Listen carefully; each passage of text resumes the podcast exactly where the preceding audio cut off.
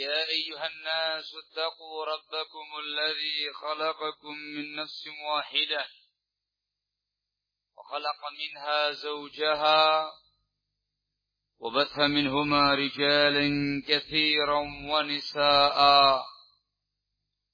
واتقوا الله الذي تساءلون به والأرحام إن الله كان عليكم رقيبا. يا أيها الذين آمنوا اتقوا الله وقولوا قولا سديدا يصلح لكم أعمالكم ويغفر لكم ذنوبكم ومن يطع الله ورسوله فقد فاز فوزا عظيما أما بعد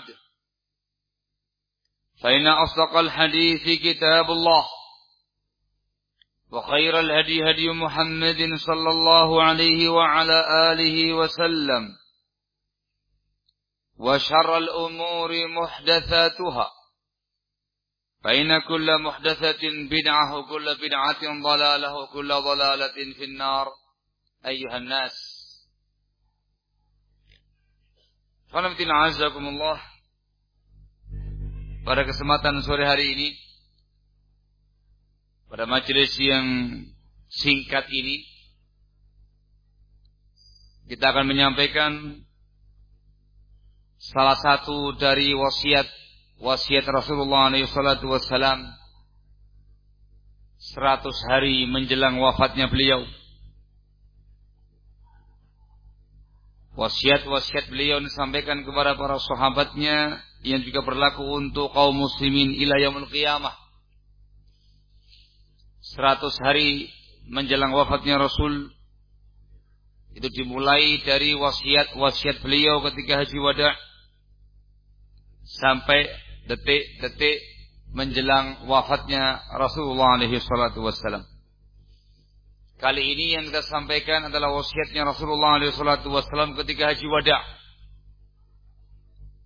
Wasiat yang berkaitan dengan kehormatan seorang muslim Diriwayatkan oleh Bukhari Muslim. Dari sahabat Abu Bakrah radhiyallahu taala anhu tentang khutbah Rasul alaihi salatu wassalam di Mina. Pada yaum nahr ketika haji wada. Ketika itu Nabi kita Muhammad sallallahu alaihi wa ala alihi wasallam bertanya ayu yaumin hadza Hari apa ini?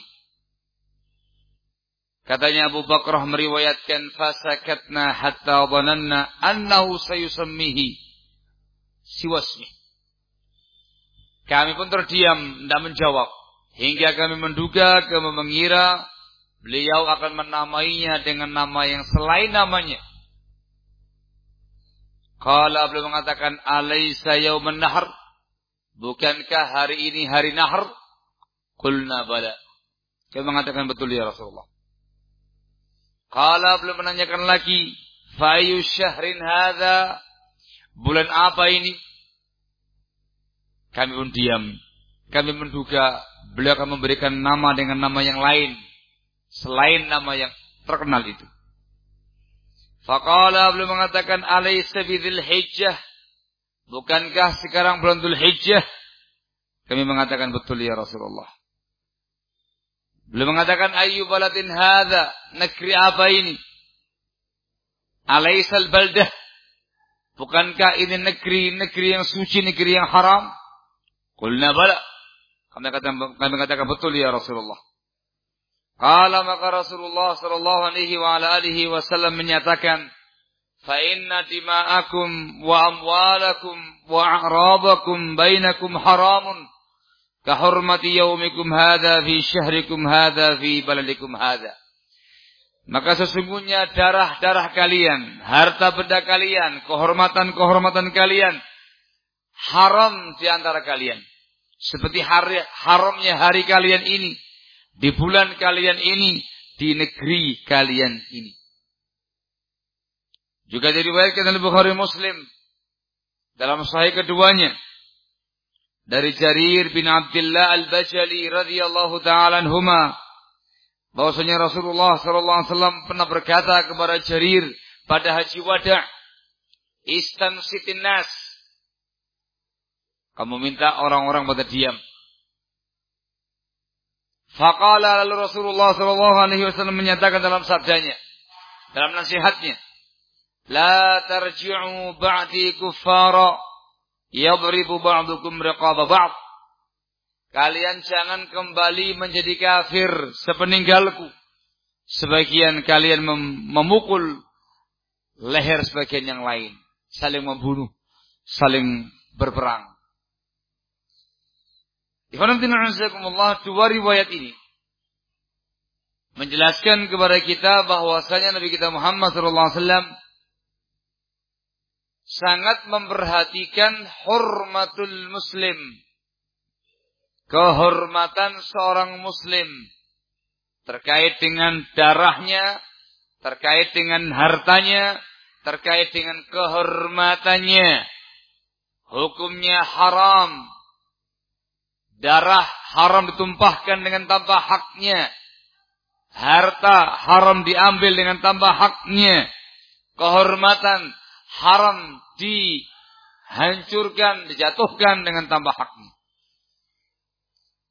Beliau perhatian dengan ini semua dikarenakan beliau memasukkan poin ini pada wasiat beliau alaihi salatu wasallam di haji wada masuk dalam kategori 100 hari sebelum wafatnya Rasulullah sallallahu alaihi wasallam. Maksud daripada wasiat di atas ialah mengokohkan ukhuwah Islamiyah di antara kaum muslimin, di antara umat Islam.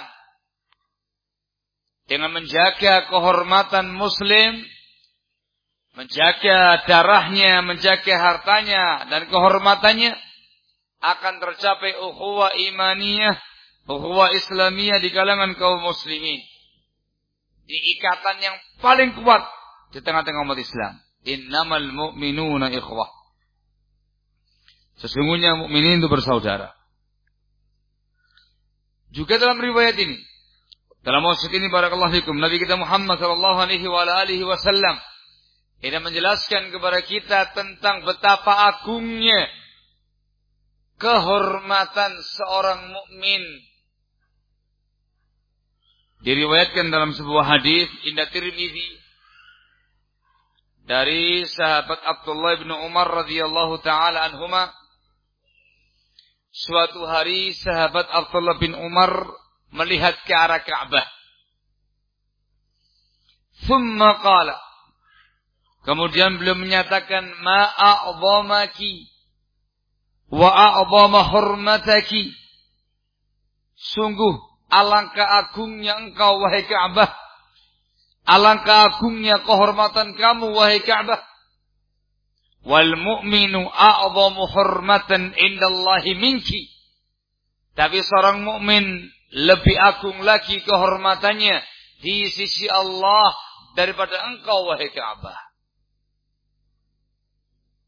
Ini penggambaran yang cukup jelas tentang kehormatan seorang muslim lebih mulia lebih terhormat, lebih agung di sisi Allah Azza wa Jal daripada Ka'bah al-musharrafah.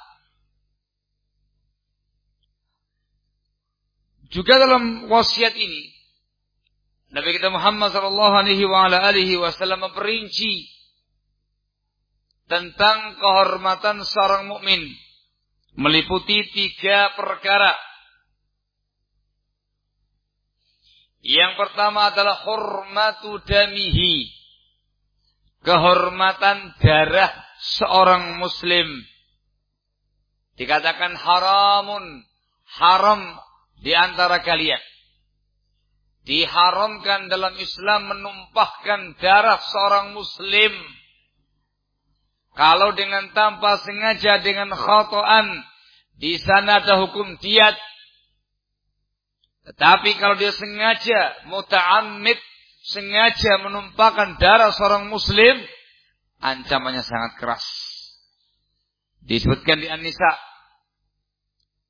Ayat yang ke-93. Allah Subhanahu wa taala mengatakan dalam firman-Nya, "Wa may yaqtul mu'minan muta'ammida fajaza'uhu jahannamu khalidan fiha wa ghadiba Allahu 'alaihi wa la'anahu wa 'adda lahu 'adzaban 'azima." Barang siapa yang membunuh seorang mukmin dengan sengaja, balasan dia adalah jahanam. Dia kekal di dalamnya. Allah murka kepadanya. Allah melaknatnya dan Allah persiapkan untuk dia azab yang sangat agung, yang sangat besar. Dosa besar. Membunuh seseorang muslim. Dalam Bukhari Muslim, Nabi kita Muhammad sallallahu alaihi wa ala alihi wasallam menyatakan, "Sibabul muslimi fusuqun wa qitaluhu kufrun." Beliau mengatakan mencaci maki seorang muslim kefasikan perang membunuh orang mukmin itu merupakan kekufuran. Jika pada nas riwayat yang lain dari wasiat beliau di atas yang disebutkan dalam Bukhari Muslim dari sahabat Jarir bin Abdul al-Bajali beliau menggunakan lafaz la tarji'u ba'di kuffara yadribu ba'dukum riqaba ba'din. Kalian jangan kembali kafir sepeninggalku nanti yaitu dengan sebagian kalian membunuh memenggal leher sebagian yang lain. Maka membunuh seorang muslim menumpahkan darah seorang muslim itu merupakan kekufuran dosa besar yang paling besar barakallahu sehingga tidak diperbolehkan menumpahkan darah seorang muslim ini menunjukkan betapa tinggi, betapa besar, betapa mulia, betapa agung kehormatan darah seorang muslim. Barakallah. Nah, dalam Islam ini punya konsekuensi. Punya konsekuensi. Di antara konsekuensi yang bisa kita sebutkan ialah terkait dengan masalah amaliyatul jihad pada amalan dan praktek jihad. Perlu dipahami jihad yang syar'i yang sesuai dengan bimbingan Allah dan Rasulnya alaihi salatu wassalam sangat-sangat memperhatikan kehormatan darah seorang muslim sebisa mungkin seminimal mungkin seorang muslim itu tidak menjadi korban dalam jihad. Itu nampak dari beberapa sisi. Yang pertama ialah perintah untuk mempersiapkan diri melawan orang-orang kafir. Al-uddah wal-udad. Persiapan, persenjataan, logistik, dan yang lain-lainnya. Dan secara jumlah. Allah mengatakan dalam firman-Nya, "Wa'idu lahum mastata'tum min quwwah al-ayah." Persiapkan kekuatan semampu kalian untuk menghadapi orang-orang kafir. Ada kekuatannya, personel, jumlah personel, persenjataan, logistik, medis, tidak asal maju, tidak asal perang. Ada persiapannya. Yang kedua. Ialah di dalam jihad yang syar'i. Di sana ada yang namanya strategi perang. Rasul mengatakan al-harbu khid'ah. Yang namanya perang itu tipu daya. Yang namanya perang itu perang strategi. Yang ketiga, dalam Islam yang namanya jihad sabilillah bersama dengan seorang pemimpin, dengan seorang penguasa, di bawah komando penguasa atau seizin penguasa. Tidak semerawut, tidak masing-masing. Ini semuanya adalah untuk betul-betul menjaga kehormatan darah seorang muslim dalam amalia jihad sekalipun darah muslim jangan sampai tertumpahkan. Kalau bisa kemenangan diraih dengan tanpa korban. Kemenangan diraih dengan tanpa korban. Barakallahu fikum. Apalagi maka perkara yang lainnya barakallahu fikum sangat dijaga betul kehormatan darah seorang muslim. Dalam Islam ada pengecualian. Darah seorang muslim ditumpahkan dengan hakul Islam. Dalam Bukhari Muslim Nabi kita Muhammad sallallahu alaihi wa ala alihi wasallam bersabda Yashhadu an la ilaha illallah wa anna Muhammadar Rasulullah illa bi ihda thalathin athayyib zani wa nafsu bin nafsi wa tariku li dinihi al-mufariqu lil jamaah tidak halal darah seorang muslim yang telah mengucapkan dua kalimat syahadatain la ilaha illallah Muhammad Rasulullah melainkan dengan satu dari tiga perkara. Yang pertama thayyibuz zani, thayyib orang yang pernah menikah dengan akad yang sah dia berzina. Namanya zina muhsan, baik dia laki-laki atau dia perempuan. Hukumnya rajam sampai mati. Yang kedua nafsu bin nafsi. Jiwa dibalas dengan jiwa. Hukum kisas. Nyawa dibayar nyawa. Ketika seorang muslim membunuh muslim yang lainnya dalam keadaan keluarga sang mayit yang terbunuh tidak mengikhlaskannya, tidak mau menerima diat, maka hukum kisas yang berlaku, penguasa yang melaksanakan eksekusinya dibunuh Jiwa dengan jiwa, nyawa dengan nyawa. Yang ketiga, seseorang yang meninggalkan agamanya alias murtad dan orang yang berpisah dari jamaah kaum muslimin yakni kaum pemberontak. Orang yang dulunya muslim ternyata dia murtad menjadi kafir, halal darahnya. Rasul mengatakan dalam riwayat yang lain, "Man baddala dinahu faqtuluh." yang mengganti agamanya, bunuh dia. Yang tadinya muslim menjadi kafir. Yang mengeksekusi adalah penguasa. Di dalamnya dimasukkan al-mufariqul jamaah. Yang dimaukan adalah bugat. Kaum pemberontak penguasa. Ketika fitnahnya tidak mungkin diredam. Tidak mungkin diselesaikan dengan cara-cara persuasif. Dan hanya bisa diredam dengan senjata maka penguasa mendapatkan izin secara syariat untuk perang melawan pemberontak, memberangus kaum pemberontak, menghabisi kaum pemberontak, membunuh kaum pemberontak. Dalam Islam ada pembahasan kita lu ahlil bughat, perang melawan kaum pemberontak. Halal darahnya karena pemberontakan dia barakallahu Ini semuanya penguasa yang melakukannya mengeksekusi. Selain ini dinyatakan haram. Selain ini dinyatakan haram. Dari sini pula barakallahu fikum. Dalam Islam diharamkan yang namanya membunuh diri sendiri. Karena kehormatan dia sebagai seorang muslim. Wala taqtulu anfusakum. Innallaha kana bikum rahimah. Kalian jangan membunuh diri diri kalian sendiri Allah Maha Penyeng uh, dengan kalian semuanya.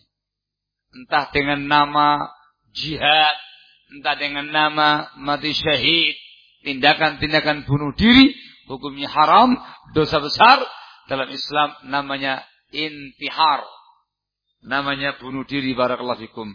Bukan amalia hadiah, Bukan uh, praktek mati syahid. Lah, namanya intihar, bunuh diri, orangnya mati sangit di atas dosa besar. Barakallah. Nah, ini semuanya menggambarkan kepada kita tentang kehormatan darah seorang muslim.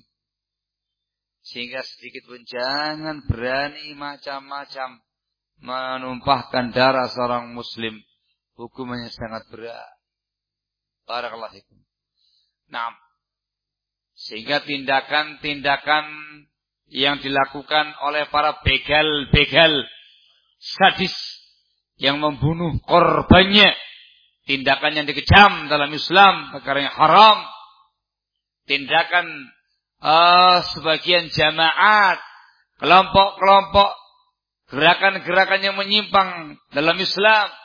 Yang memerintahkan anak buahnya untuk melaksanakan bunuh diri. Itu tindakannya haram. Masing-masing individu yang melakukan gerakan-gerakan bunuh diri. Hukumnya haram melanggar ini semuanya barakallahu fikum. Ini yang pertama. Yang kedua,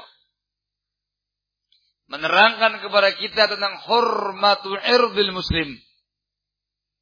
Kehormatan haramnya kehormatan seorang muslim. Barakallahu fikum. Ini rahmatullahi juga perkara yang sangat penting diperhatikan. Hukum asal seorang muslim dimuliakan, dihormati, tidak boleh dijatuhkan kehormatannya. Tidak boleh diribai. Tidak boleh disebutkan keaiban-keaibannya. Tidak boleh dibongkar kesalahan-kesalahannya.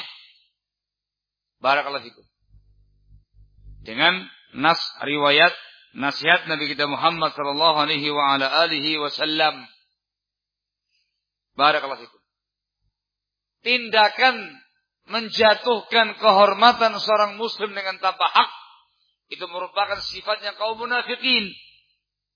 Datang dari banyak sahabat, dari Abdullah bin Umar, dari Abu Barzah dan juga yang lain-lainnya dan dia sahih li ghairihi karena banyak jalurnya Nabi kita Muhammad sallallahu alaihi wasallam pernah menyatakan beliau naik ke atas mimbar dan memanggil dengan suara yang lantang menyatakan ya ma'syara man amana bi lisanihi wa lam yadkhulil imanu qalbah la taghtabul muslimin wa la tattabi'u awratihim fa inna man tatabba'a awrata muslimin tatabba'a Allahu auratahu wa man tatabba'a Allahu auratahu fadahahu walau fi qa'ri baitih.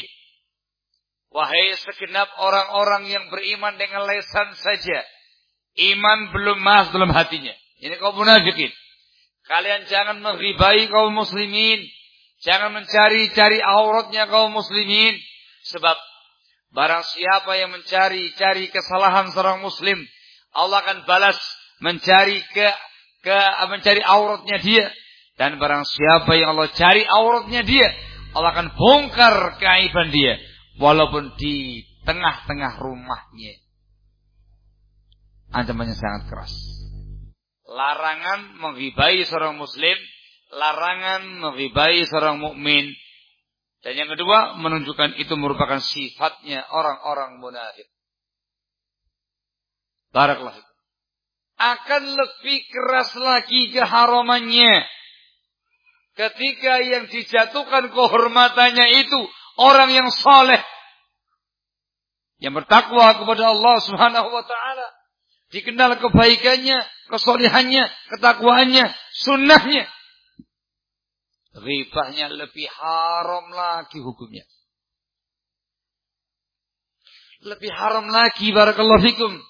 Hukumnya kalau yang diribai itu sosok yang memiliki pengaruh di tengah-tengah masyarakat. Seorang yang tokoh di tengah-tengah masyarakat. Mengribai ustaz. Menjatuhkan kehormatan seorang da'i, seorang ustaz yang di atas sunnah. Menjatuhkan kehormatan para ulama sunnah, masyayikhus sunnah. Ini dosanya berlipat-lipat-lipat ganda. Keharamannya lebih berlipat-lipat ganda karena efeknya lebih negatif barakallahu Apalagi yang diribai itu seorang pemerintah, seorang penguasa yang punya kuasa, yang punya kekuatan, yang memimpin bangsa. Ini haramnya lebih haram lagi, bukan semata-mata riba, tapi sampai bertingkatan bentuk khuruj, bentuk pemberontakan kepada penguasa dengan kalamnya dia, dengan ucapan dia. Itu ciri-ciri kemunafikan. seorang muslim tidak akan berbuat demikian barakallahu fikum. Bahkan disebutkan dalam riwayat yang lain. Dikeluarkan Al-Hakim dalam mustadraknya dan beliau mengatakan sahih dari Abdullah bin Mas'ud radhiyallahu taala anhu kata Rasulullah sallallahu alaihi wasallam Ar-riba thalathatun wa sab'una baba Aisaruha mithlu ayyankihar rajulu ummah Wa inna arbar riba irdur rajulil muslim. Yang namanya riba itu ada 73 pintu. Yang paling ringan keharamannya seperti seseorang itu menikahi ibunya sendiri. Dan riba yang paling riba, yang paling haram seperti menjatuhkan kehormatan seorang muslim. Bayangkan, disamakan kayak riba. Riba itu dosa besar, ancamannya paling keras dalam Al-Quran setelah kesyirikan kepada Allah Azza Menjatuhkan kehormatan seorang muslim itu disamakan kayak riba yang paling berat, riba yang paling besar. Nauzubillah min. Dosa besar yang luar biasa.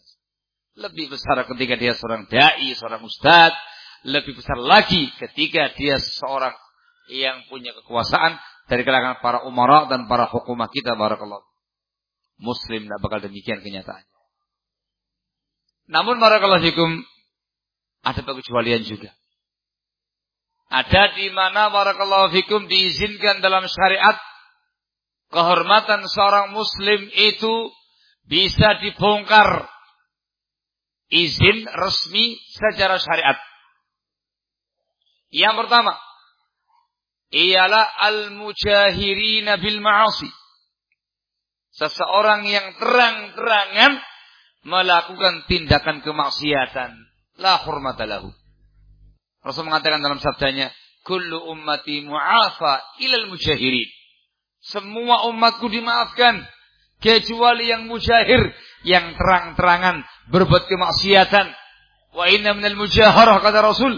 Termasuk terang-terangan. Barakallahu fikum uh, dalam mengerjakan kemaksiatan, dia mengerjakan maksiat di malam hari. Tidak ada yang tahu. Allah tutupi keaiban antara dia dengan Allah Azza wa Jal. Tapi keesokan harinya dia ngaku, dia cerita sendiri. Tadi malam saya berbuat demikian, demikian, demikian, demikian, demikian. Membongkar jati dirinya sendiri. Itu mujaharah. Tidak ada maaf bagi dia. Apalagi yang memang terang-terangan berbuat dosa, kemungkaran, kefasikan, kemaksiatan di depan halayak ramai. Ada mujahir. La hurmata lahu. Al-mujahir la ghibata lahu. Tidak ada ghibah atas dia. Maka ketika kaum muslim memperbincangkan tentang dia, Fulan kemarin mocok pacaran, Fulan kemarin mocok minum-minuman, Bulan kemarin mocok, ngerokok, dan segala macamnya. Bulan kemarin, bulan kemarin. Itu bukan ghibah. Itu perkara diizinkan dalam syariat dikarenakan dia sendiri yang terang-terangan membongkar keadaan dia sendiri. Barakallahu fikum namanya mujaharah. Jangan salahkan siapa-siapa ketika mereka memperbincangkan uh, seseorang yang mujahir tadi. Saya mengatakan, oh mereka menghibai saya. Fulan menghibai saya Ustaz. Ya, kenapa? Ya katanya saya begini-begini. Emangnya betul? Iya. Allah Ustaz. Wa minal mujaharah. Seseorang yang memposting. Posting, mengupload. Tayyip statement-statement dia, makalah-makalah dia, tulisan-tulisan dia. Yang menyimpang, yang berbau penyimpangan. Jangan salahkan siapa-siapa ketika semua orang yang membacanya menyatakan Anda adalah syubah, Anda masbuh, Anda, anda uh, maftun, orang yang terfitnah. Jangan mengatakan, oh dia nggak pernah menasihati saya, dia nggak pernah datang ke tempat saya, padahal dia punya nomor telepon saya, tidak pernah telepon saya menasihati saya, saya langsung ditahdir ya. Bagaimana ini? Ya, Anda melakukan tindakan itu di kamar seorang diri gelap, Anda mengutarakan statement Anda di dalam ruangan sendirian, atau antum mana, ke mana antum mengucapkannya itu? Di dunia maya, di internet. Yang baca siapa? Ya semua orang. Terus, ya. Ya terus, jadi takdir kamunya. Itu namanya mujahir. Tindakan kamu itu mujaharah. Terang-terangan. Memposting penyimpangan. Syubhat. Fitnah. La ribatalak. Gak ada hukum ribah bagi kamu. Jangan salahkan siapa-siapa. Kalau orang lain membicarakan penyimpangan-penyimpangan kamu. Mengenal kamu sebagai sosok ahli syubhat. Dikecualikan ya ikhwan. Dan yang berikutnya adalah seseorang yang betul-betul seseorang yang menyimpang, yang sesat, yang dibongkar penyimpangan-penyimpangan oleh para ulama barakallahu fikum untuk diperingatkan dari bahaya mereka yang azab. Intinya adalah yang dikecualikan adalah orang-orang yang jahat. Selama dia seorang yang muslim yang di atas sunnah yang bertakwa kepada Allah Azza wa Jal, haram bagi kita semua menjatuhkan kehormatan dia, menghibai dia, ha? Eh, mentahdir dia dan segala macam hukumnya haram ya. Adalah ya juz. Apalagi dia seorang dai, dia seorang ustadz, dia seorang syekh, seorang alim, seorang seorang hukumah, seorang penguasa adalah yajuz. Ada yang terakhir ialah hormatu malil muslim, kehormatan harta seorang muslim. Hukum asal, hukum asal harta seorang muslim itu haram. Tidak boleh diambil kecuali dua perkara. Yang pertama ialah hakul Islam.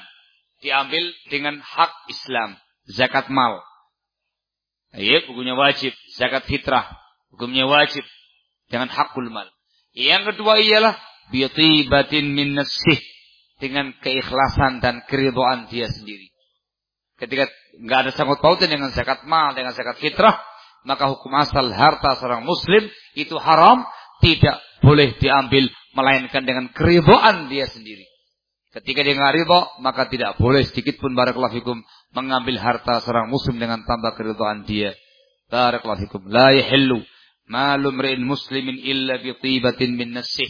Tidak halal harta seorang muslim melainkan dengan keridhaan dari dia sendiri. Barakallahu fikum. Hadza wadih. Maka tidak boleh mencuri harta seorang muslim apa pun alasannya. Ha? Mencuri harta muslim dengan alasan berjihad tidak ada dalam Islam seperti itu.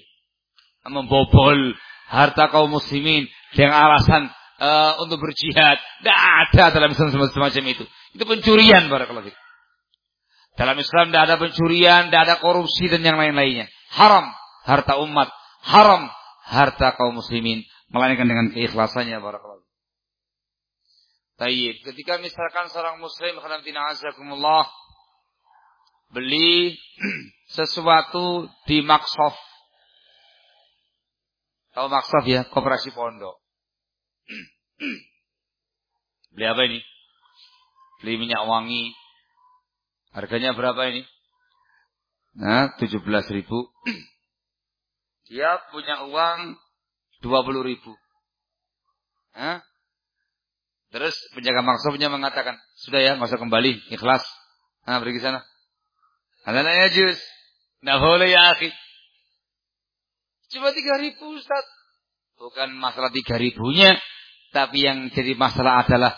La yahillu malum ri'in muslim illa bitibatin min nafsih.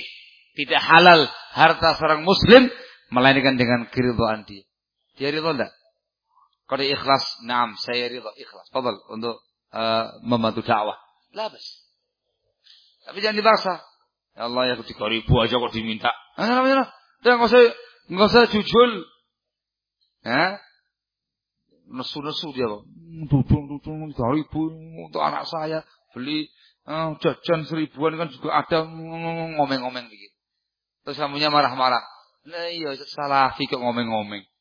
Salafi kok uh, begitu-begitu. Masa tiga ribu aja nggak mau dikorbankan. Kita mengatakan, masa kamu begitu ya, akhi? Dan demikian ya, harta seorang muslim hukumnya haram pada hukum asalnya. Melainkan dengan hak Islam atau dengan keridhaan dirinya. Sepeser pun. Harus dengan ridhonya dia barakallahu fikum. Sekitar contoh. Ha? Dan juga yang lain-lainnya barakallahu fikum. Camkan baik-baik. Ini semuanya menggambarkan kepada kita bahwasanya seorang muslim orang yang sangat agung, yang sangat mulia dalam Islam di sisi Allah Azza wa Jal. Haram hartanya, haram darahnya, haram kehormatannya, melainkan dikecualikan dengan eh, hak-hak uh, Islam yang diterangkan tadi barakallahu fikum. Ini muslim. Bagaimana kiranya dengan seorang sunni salafi yang di atas sunnah barakallahu fikum. Apalagi seorang yang mendakwahkan sunnah, ulama sunnah, maka kehormatan mereka tentu jauh lebih mulia lagi, lebih agung lagi. Barakallahu fikum. Maka haram ditumpahkan darahnya, dijatuhkan kehormatannya, diambil harta bendanya, melainkan dengan hakul Islam dan dengan pengecualian yang disebutkan tadi. Barakallahu fikum. Ini nasihat yang disampaikan Nabi kita Muhammad SAW di Haji Wada, di Yaum Nahar, di Mina. Itu tergolong oleh kata para ulama wasiat Rasul 100 hari menjelang wafatnya Rasulullah Sallallahu Alaihi Wasallam. Minta diperhatikan baik-baik. Dikarenakan yang namanya wasiat itu merupakan perkara yang sangat ditekankan, yang sangat penting sekali nilainya dalam Islam. Barakallahu fikum. Semoga bermanfaat dan semoga kita menjadi hamba Allah yang penyayang kepada kaum muslimin yang lainnya dan hanya melaksanakan tindakan-tindakan uh, di luar itu dengan izin syar'i, izin uh, syariat dengan bimbingan Allah dan juga Rasulnya Shallallahu Alaihi Wasallam dan semoga Allah Azza Wajal mengokohkan ukhuwah kita, persaudaraan kita, muamalah di antara kita. Barakallahu fikum semuanya di atas Islam sunnah. Naktafi lahuna. Ada waktu sedikit persiapan untuk uh, buka puasa. Saya cukup sekian subhanaka wa bihamdik. Asyhadu an la ilaha illa anta astaghfiruka wa atubu ilaik. Fadhalu hafizak.